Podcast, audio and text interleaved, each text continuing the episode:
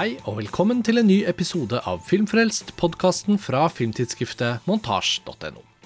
Mitt navn er Karsten Meinick, og jeg sitter her i kveld over Skype sammen med Lars Ole Kristiansen. Hei, Lars Ole. Hei, Karsten. Dette blir jo en litt sånn klassisk god gammeldags filmfrelst-episode, hvor du og jeg snakker om en film, og i dette tilfellet en gammel film. Vi skal snakke om Pedro Almodovars på en måte kommersielle spillefilmdebut, Pepi Luci Bom y otras chicas del monton fra 1980, eller som den heter på norsk, Pepi Luci Bom og de andre. Og vi skal snakke om denne filmen fordi den litt får sin renessanse nå denne høsten 2022, ved at den settes opp på cinematekene rundt omkring i Norge. Og da betyr det jo som regel også ofte at det er gjort en skikkelig restaurering av filmen. Men med tanke på den litt sånn punky, grove eh, bakgrunnen for eh, Almodovars første filmer, og hvordan de ble laget, og hvilke formater og, og hva som ble skjedde i filmene, så føler jeg jo liksom ikke at en i hermetegn 4K-restaurering av denne filmen nødvendigvis ville kanskje gjort så veldig stor forskjell. Kanskje var den like så kul å se på VHS. Den skriver seg iallfall inn i en sånn veldig sånn punky periode tidlig på 80-tallet. Og når det kommer til Pedro Almodovar, Lars Ole, så føler jeg jo litt at uh, du er eksperten av oss. Selv om jeg også selvfølgelig er veldig glad i hans filmer, så vet jeg jo at du har hatt et uh, litt sånn kompletistisk forhold til det. Men ingen av oss hadde sett denne filmen, for den har ikke vært så, så lett å oppdrive, da. Men uh, nå har vi sett den, og tenkte å snakke om den. Ja, altså, i mange år så har jeg hatt to Almodovar-hull. High Heels og Pepilucci-bom. Og det skyldes at High Heels den var aldri en del av den Almodovar-serien på DVD til Sandro Metronome, som mange av oss som har samlet på fysisk format, har et forhold til. Ja. den og Pepilucci-bom var vel, tror jeg, faktisk de eneste som manglet. Mm.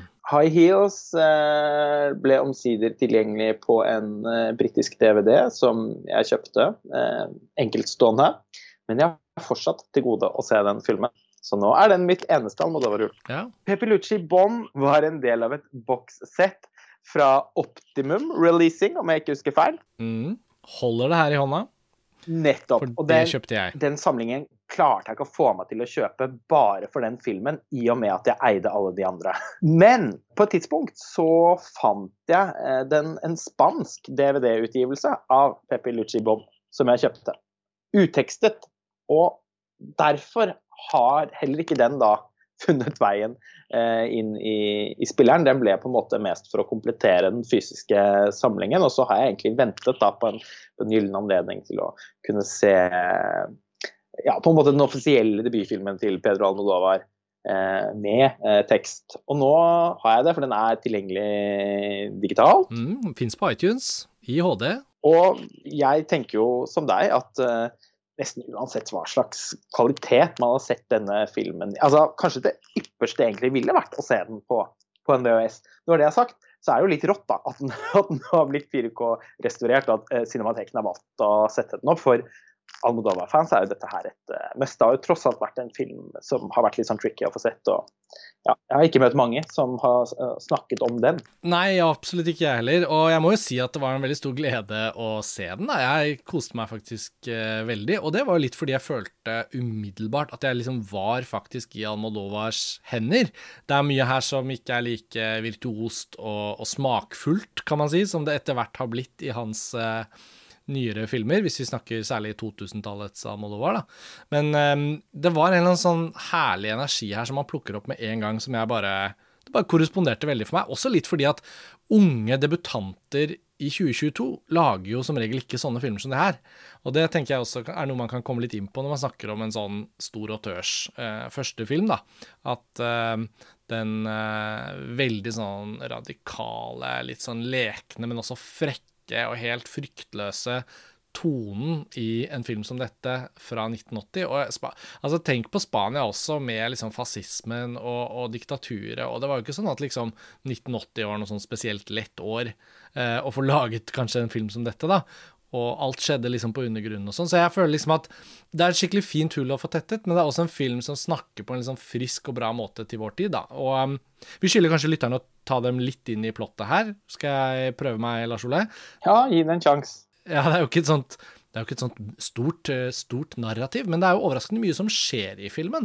Og hvis ikke tittelen allerede har avslørt det, så handler det jo da om Pepi Luci Bom, og for så vidt også de andre, så den er jo veldig sånn hands on, den tittelen. Og dette er da en liten gruppe kvinner hvis liv blir liksom tvinnet over i hverandre på mer eller mindre tilfeldig vis. Altså Pepi er på en måte hovedpersonen. Hun er en ung kvinne, bor i Madrid. Hun har en litt sånn på kanten av loven marihuanaplantasje på balkongen sin. Og blir oppsøkt av en politimann i filmens første scene, hvor hun eh, på en veldig sånn freidig og direkte måte lurer på om liksom Ja, kunne hun liksom kunne det vært sånn at de kunne utvekslet noen tjenester for at han ikke skal forfølge henne med kriminelle anklager for disse hasjplantene, hvorpå han på en måte bare kaster seg over henne og voldtar henne, da. Og det skilles jo eh, på en litt sånn matter of fact-måte. Og dette leder da til at eh, Pepi, som faktisk egentlig har opprettholdt jomfrudommen sin litt for å kunne ha det som en slags valuta til bruk senere, eh, blir veldig hevnlysten, da. Eh, og da venninnen hennes Bom, som spiller i et band, hun, hun, blir med for å ta hevn, og de andre i bandet blir med også. Og så etter hvert, så, uten å gå inn på hver eneste ting som skjer her, så blir også Peppi da kjent med politimannens kone, Luci, som har en del undertrykte um, Hva skal vi si lys, lyster og begjær, som blir på ulikt vis for, uh, oppfylt, da. Og her oppstår det da et, uh, en sånn venninnerelasjon. En veldig sånn fin eh, samholdsfølelse mellom disse tre titulære karakterene. Da. Og... Veldig fint. Etter at hun blir tisset på under den første lunsjen, så er det på en måte dem for alltid. Ja, altså isfronten, hvis den var der, den blir i hvert fall brutt så fort det oppstår et sånt erotisk øyeblikk styrt av urin. Og, og etter dette så er på en måte filmen også frigjort seg selv fra hva nå enn publikum måtte tro eller forvente av hva som skal skje. da. Og da blir vi med på det som er ganske sånn tight, morsom liten runde som leker og spiller på konvensjoner og, og, og, og ting i samfunnet som kanskje ikke er ja, noe som er litt tabu, men også litt sånn vi er en ung generasjon, og vi liker denne typen liv, føler jeg filmen invitere oss litt til å være med på. Da. Og um, det var et morsomt sitat. Jeg så hvordan Cinematekene beskrev filmen i sitt program. Så siterte de en anmeldelse fra The Washington Post som het at uh, dette var, og her siterer jeg da, A smutty sexual sideshow most safely viewed in a full body condom. det syns jeg var ganske morsomt uh, for filmen. Han fikk ikke premiere i USA heller før utpå 1990-tallet, da. Så det er litt sånn premisset for filmen. Jeg vet ikke, for meg i hvert fall, Lars Ole, så var det også en glede da at, som jeg sa i stad, den føltes så veldig en Almodovar-film. At den hadde noen sånne typiske ting som jeg føler man kan kjenne igjen. Tenker på en film som Kika, for eksempel, med denne utrolige scenen ute på balkongen som gjorde uslettelig inntrykk på meg første gang jeg så den filmen, og som jeg ofte har nevnt som sånn eh, Almodovar-øyeblikk for meg. Hvor han eh, fyren løper ut på balkongen og står og onanerer, hvorpå det lander i ansiktet på en dame nede på gaten. og liksom sånn. Det er en del sånne kroppsvæsker i bevegelse som i hvert fall jeg har merket meg. Kika var jo litt egentlig et comeback til de tidligere mer trashy filmene. Ja, og den er jo fra 90-tallet. Pepe Luchibom har veldig mye til felles med den han lager etterpå, 'Labyrinth of uh, Passion'. Det er nesten litt sånn søskenfilmer. Han opptrer også selv i, i, i begge to. Og eh, mm. de må vel sies å være tenkt som Eh, en slags feiring av eh, at Franco sitt regime har falt. Da. Og at eh, mm. det er som en, liksom en hel undergrunn vokser til live i Madrid, Spanias hjertekammer. Mm. Eh, masse, mange personlighetstyper og identiteter som lenge har måttet på en måte være i skjul, skal nå ut og, og mm. fram. Og verdens popkultur eh, blir liksom invitert tilbake til, til eh, Spania, og vi ser at Almodovar er eh, inspirert av eh, postmodernisme innenfor kunsten som er i emning. Eh, han er åpenbart fan av eh, altså Andy Warhol. og mm. Og også filmene Warhol laget i samarbeid med Paul Morrissey, vil jeg, jeg tro. 'Trash' er sikkert en mm. film Almodovar har et kjært uh, forhold til. Han har nok også sett John Waters, uh, Derek Jarman i Storbritannia, særlig en film som 'Jubileet', hans liksom punk uh, film. Eh, Mm. Melder seg som en uh, Ja, som, som en film man får assosiasjoner til når man ser uh, Peppelucci Bomb. Og jeg tenkte også en del på Susan Seidelmans tidlige filmer, og spesielt eh, debuten hennes, eh, 'Smithereens'. Så eh, den, den, selv om den er veldig sånn spesifikt uh, spansk, så oppleves den også som en film som på en måte er informert av strømninger i verdensfilmen da, på det tidspunktet den er laget. Ja, nei, eh, det tror jeg også. Jeg tror man kan spore da hvordan denne liksom sånn punk-holdningen fra disse filmene du nevner, og filmskaperne du nevner, ble jo på en måte den mest toneangivende nye eh, popkulturelle trenden eh, rundt omkring i mange land på 80-tallet. og Derfor er det så også kult å tenke på at Spania som i særstilling i Europa da var sent ute med å kvitte seg med et diktatur, på mange måter fikk det uttrykket, særlig kanskje i film, da. Det er sikkert mye som har skjedd der i musikk og som ikke vi kanskje har plukket opp fordi de bandene forble litt undergrunn, da. Mens de britiske punkbandene og, og liksom hele den fra liksom Sex Pistols og alle de eh, på 80-tallet og alt som skjedde på Lower East Side i New York. Det var liksom noen som kom veldig gjennom i popkulturen, mens andre steder så har det kanskje først og fremst skjedd litt mer i det stille, og så blitt fanget opp i en filmkunstner som Almodovar, da. Eh, Og, og hvordan han også har utviklet seg og tatt med seg den derre litt sånn frekke, lekne tonen, men på, på, på mange måter også klart å omstille seg og blitt mainstream og blitt kunstfilm og blitt liksom en Cannes-favoritt. Altså sånn, det er et eller annet med at den reisen han tar som filmskaper, at den startet her, er også litt En av de lengste og si? bratteste noensinne. Eller altså, i og for seg kanskje litt slak i, i, i begynnelsen, da, men Ja, for den er ikke for gimle-publikummet, den eh, Pepi Lucci det er bare så fascinerende å se hvordan uh, Almodovar virkelig gradvis, nesten sånn film for film for film, blir uh, mer og mer litt sånn virtuos. Mm. Men, men han, han bruker liksom egentlig da nesten 20 år på en måte på, på å virkelig entre sin gullalder, da, som, som starter med alt om min eh, mor, og som man kan diskutere litt frem og tilbake hvorvidt det er avsluttet eller ikke. Men jeg tror de fleste kan være enige om at alt om min mor, snakk til henne og Volver vil ha merke en film imellom der som også er veldig god, men de tre vil nok for veldig mange stå som noen sånne konsensusmesterverker da, i hans eh, filmografi. Mm. Og eh, han vant jo sine to Oscar for de to førstnevnte. Alt om min mor for beste utenlandske film, som det het den gang. Og Snakk til henne, prisen for beste originalmanus. Den var også nominert eh, for beste regi.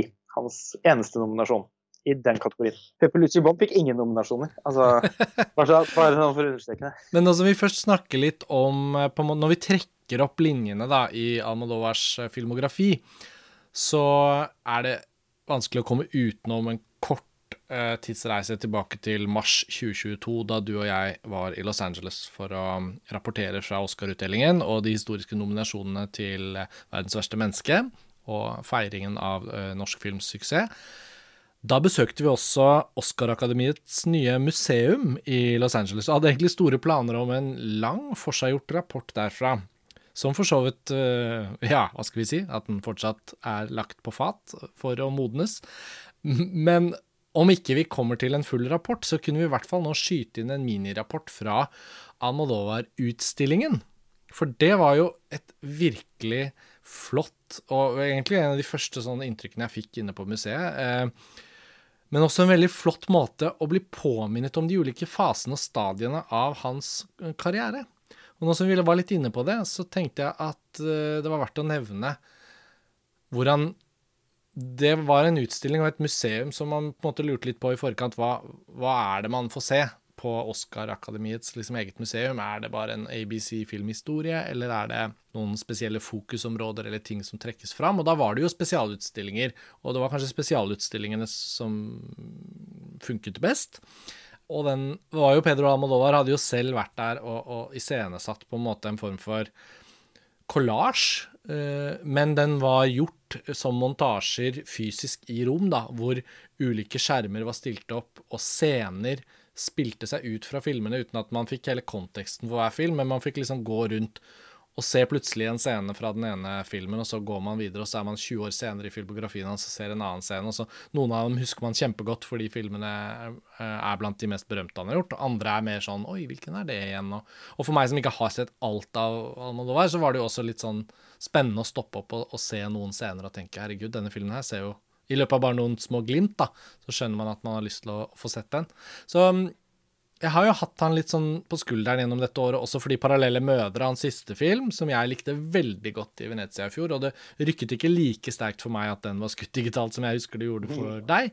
Den hadde jo også norsk kinopremiere tidligere i år, så er, vi er jo fortsatt egentlig litt inne i et slags sånn Almodovar-år, da. Ja, absolutt. Og jeg hadde et gjensyn med 'Parallelle mødre' her forleden som var veldig, veldig bra. Det var faktisk også sånn at jeg klarte å, å se litt forbi Eh, det jeg fortsatt syns er et, eh, et, et, eh, litt sånn grelt digitalfoto i filmen, men det er bare så vanvittig bra fortalt. Og som mm. alle Almodovar-filmer, så, så, vokser den på gjensyn. Sånn er, altså, filmen hans er jo sånn, sånn skattkister at uh, jo, jo, jo, dypere man graver, jo, jo mer finner man. Det gir virkelig gevinst da, å vende tilbake og, og pakke ut filmene hans. Uh, og prøve ut også litt ulike innfallsvinkler i den prosessen. Men eh, den utstillingen eh, på Oscar-museet var jo eh, et av høydepunktene der. Nå har jeg jo faktisk vært på det museet to ganger.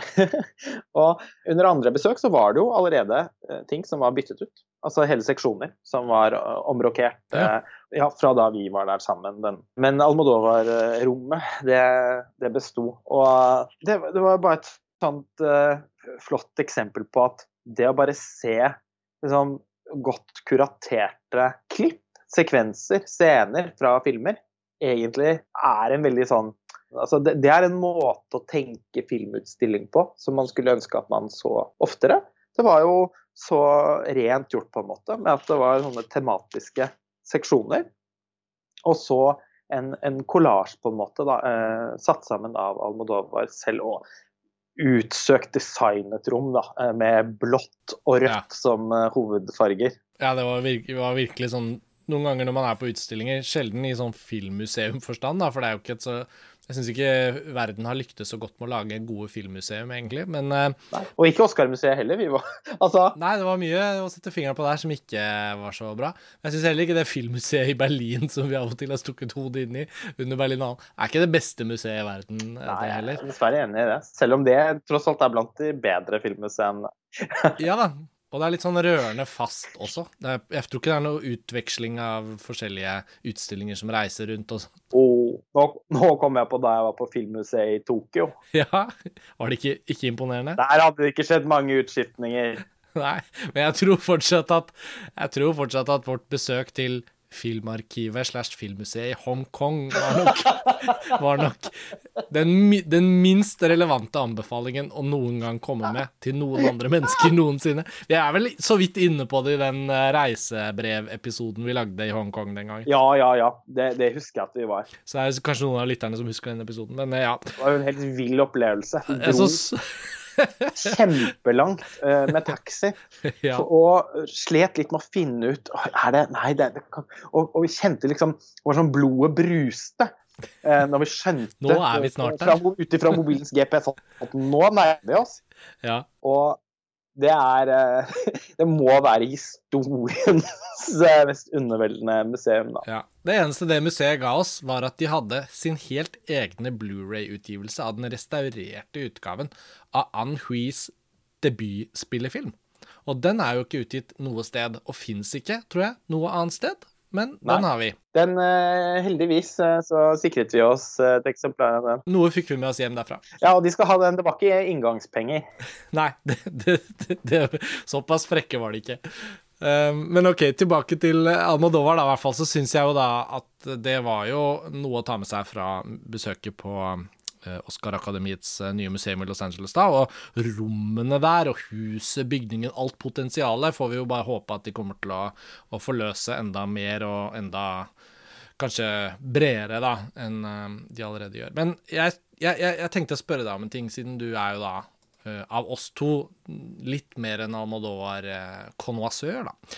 For et publikum i høst som går på Cinemateket og tenker Ja, selvfølgelig. Almodovar han har jeg nesten ikke sett noe av. Dette blir spennende. Så går de og ser Pippi Luci, Bom og de andre. Så hva slags inngang tror du dette vil oppleves som for noen som kanskje bare har sett Snakk til henne og kanskje brutte omfavnelser og, og parallelle mødre, da, eksempel. Altså bare sett noen av disse 2000-tallsfilmene. Ja, Nevnte du også for sikkerhets skyld filmer som Carmen Mora ikke spiller i, da?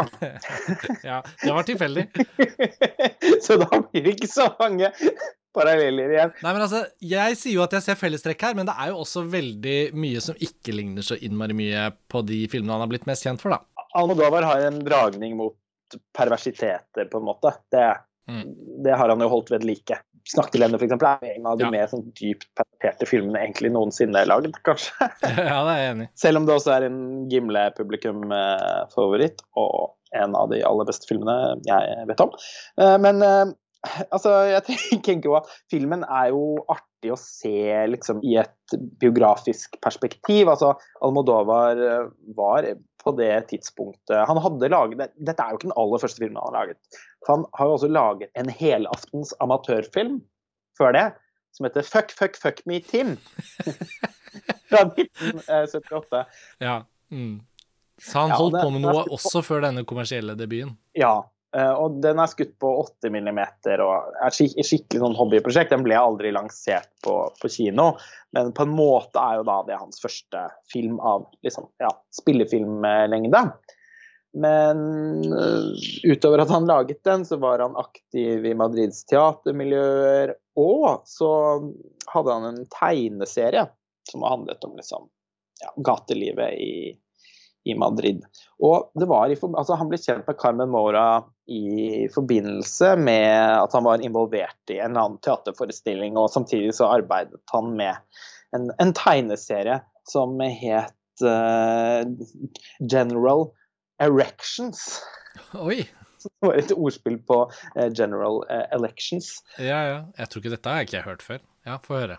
Og Mora ble så fascinert av, av den tegneserien at hun motiverte han til å filmatisere den. Og de, hun var da, ble en veldig viktig samarbeidspartner for Almodovar. Eh, for han hadde jo ikke da særlig med midler til å, til å lage filmen, og innspillingen ble innmari lang. Jeg, tror den, eh, jeg leste at den strakk seg over 18 måneder. Og i lys av eh, hva slags film det er, så kan jo det virke unødvendig lenge. Men det var jo rett og slett fordi at den bare kunne lages når folk hadde tid. Fordi Carmen Mora var sånn at hun motiverte alle folk hun kjente som hun tenkte at ville være kule å ha med i en eller annen fagfunksjon i filmen, være seg foran eller bak kamera.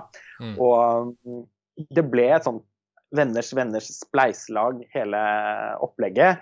Og når filmen først var ferdig, så var den ikke mer enn ja, 45-50 minutter eller noe sånt. Og da og da innså de at ja, men dette var jo ikke helt en kinofilm, vi må fylle den ut med noen ekstrascener. Og da var det å dra tilbake igjen og skyte mer eh, og finne på, på nye sprell. Den er da skutt på 16 mm, og ikke 8 mm, som denne Fuck, fuck, fuck me, Tim. Og filmen ble totalslaktet da den hadde premiere i, i Spania av, kritikerne, men fikk altså Den fant raskt et, et, publikum, da. Så den ble en sånn undergrunnshit eh, på, på filmateker og, og, den slags. Kult. Men dette ble var på ingen måte noe internasjonalt gjennombrudd for uh, Pedro Almodovar. Uh, det kommer først noe senere. Og det har jo også da på en måte hatt mange faser. da. Altså Når man ser f.eks. filmen 'In Bed with Madonna', dokumentarfilmen om Blonde Ambition-turneen fra, fra 90-tallet, som for øvrig er helt fantastisk. Den er fra 1990, kanskje til og med, tror jeg. Da, der er det en scene hvor Madonna møter Pedro Modovar og Antonio Banderas, og de er jo på en måte allerede verdensstjerner. Mm. Basert på Altså innenfor visse kretser, da. Basert på, på filmene fra den første halvdelen av karrieren hans. Men den, den store liksom, mesteren blir han jo nettopp først uh, med den fasen som vi refererte til i stad, som, som, starter med 'Alt om min mor' fra 1999. Ja. Nei, og jeg tenker jo at han har laget såpass mange filmer, da, og jeg føler jo det å ikke bli helt ferdig med å se alt, eh, er jo, gjør jo at jeg fortsatt har da muligheter eh, for min egen del, sånn som nå, å, å plukke opp en film som jeg ikke har sett. Og, og, det er jo noe med at når du sier at de alltid blir bedre ved gjensyn, så stikker jo litt i magen også over at det er en del av dem jeg fortsatt bare har sett én gang. da, 'Smerte og ære', som jeg likte ekstremt godt, eh, som ikke er så mange år siden nå, den har jeg flere ganger tenkt at åh, oh, den har jeg ordentlig lyst til å returnere til å, å se igjen. Og, ja, det var, det var, jeg syns den var eh, overveldende god. Kanskje særlig den egentlig av de nyere, fordi jeg føler der var det så mange lag, da. Eh, og også noe med at den også var litt sånn opp Det var ikke så mye mystikk i selve fortellingen på en måte, så da tenker man litt at man er ferdig med den når man har sett den. Um, men ja, nei, så det, det, føles litt som en utømmelig kilde. Uh, og, og, han de er jo De to Almodovar-filmene uh, som jeg opplever at det er aller mest sånn litt sånn komplisert satt sammen, og som virkelig liksom krever gjensyn fra de siste ja, sånn, eh, 10-15 eh, årene, mm. det er eh, Julieta og Under huden. Og jeg, jeg, mistenker at du også bare har sett de én gang. Ja, jeg tror, eh, jeg tror det stemmer, ja. Mm. Det, det vil jeg også prioritere. ja, ja, ja, Men ikke sant, sannheten er jo at man burde jo prioritere sånne ting som dette. ikke sant? Man burde jo. og for de av lytterne som følger de har tid, man burde jo satt seg ned med en så bra filmografi som dette er. Det vet man jo uansett hvor mange ganger man har sett hver film. Så er det jo et sånt kunstnerskap som i seg selv bare gir så mye glede av å sette seg ned og være i. Og nå følte jeg det jo til og med bare etter å ha sett én film jeg ikke hadde sett, Peppi, Lucci og Bom, at liksom ja, Og det er jo ikke blant hans aller beste.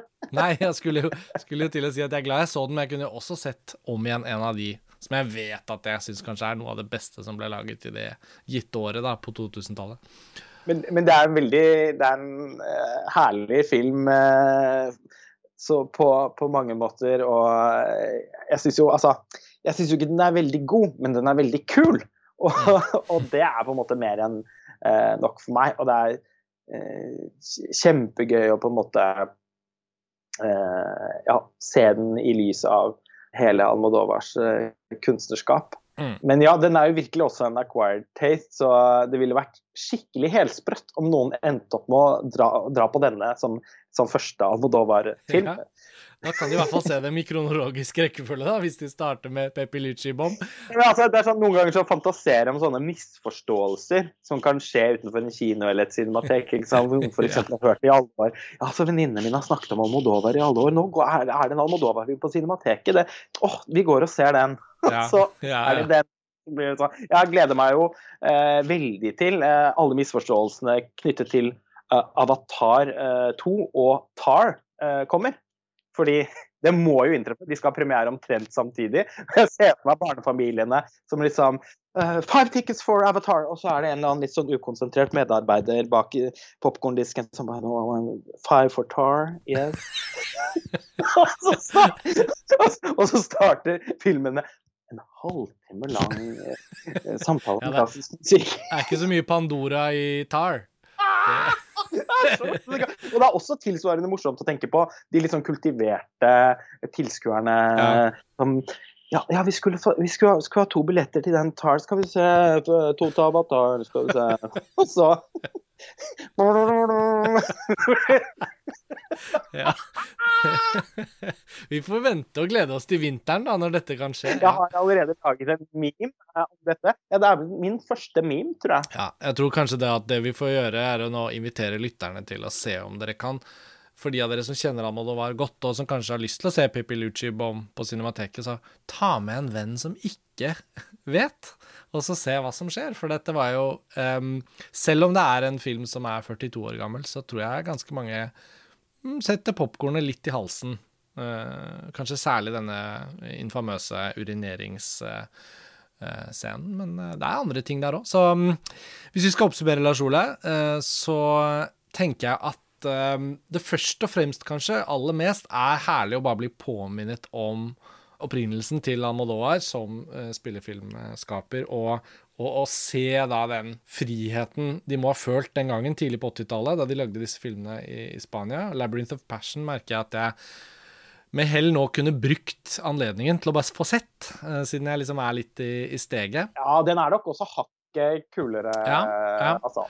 Og så uh, gjensyn med alle de beste Almodovar-filmene kommer da varmt anbefalt fra Lars Ole. Jeg skal prøve å ta den anbefalingen. Og um, utover det så, så, kan vi jo bare varsle at uh, programmet på cinematekene nå utover høsten og tidlig på vinteren inn mot jul er um, Det er ganske mange bra ting som kommer.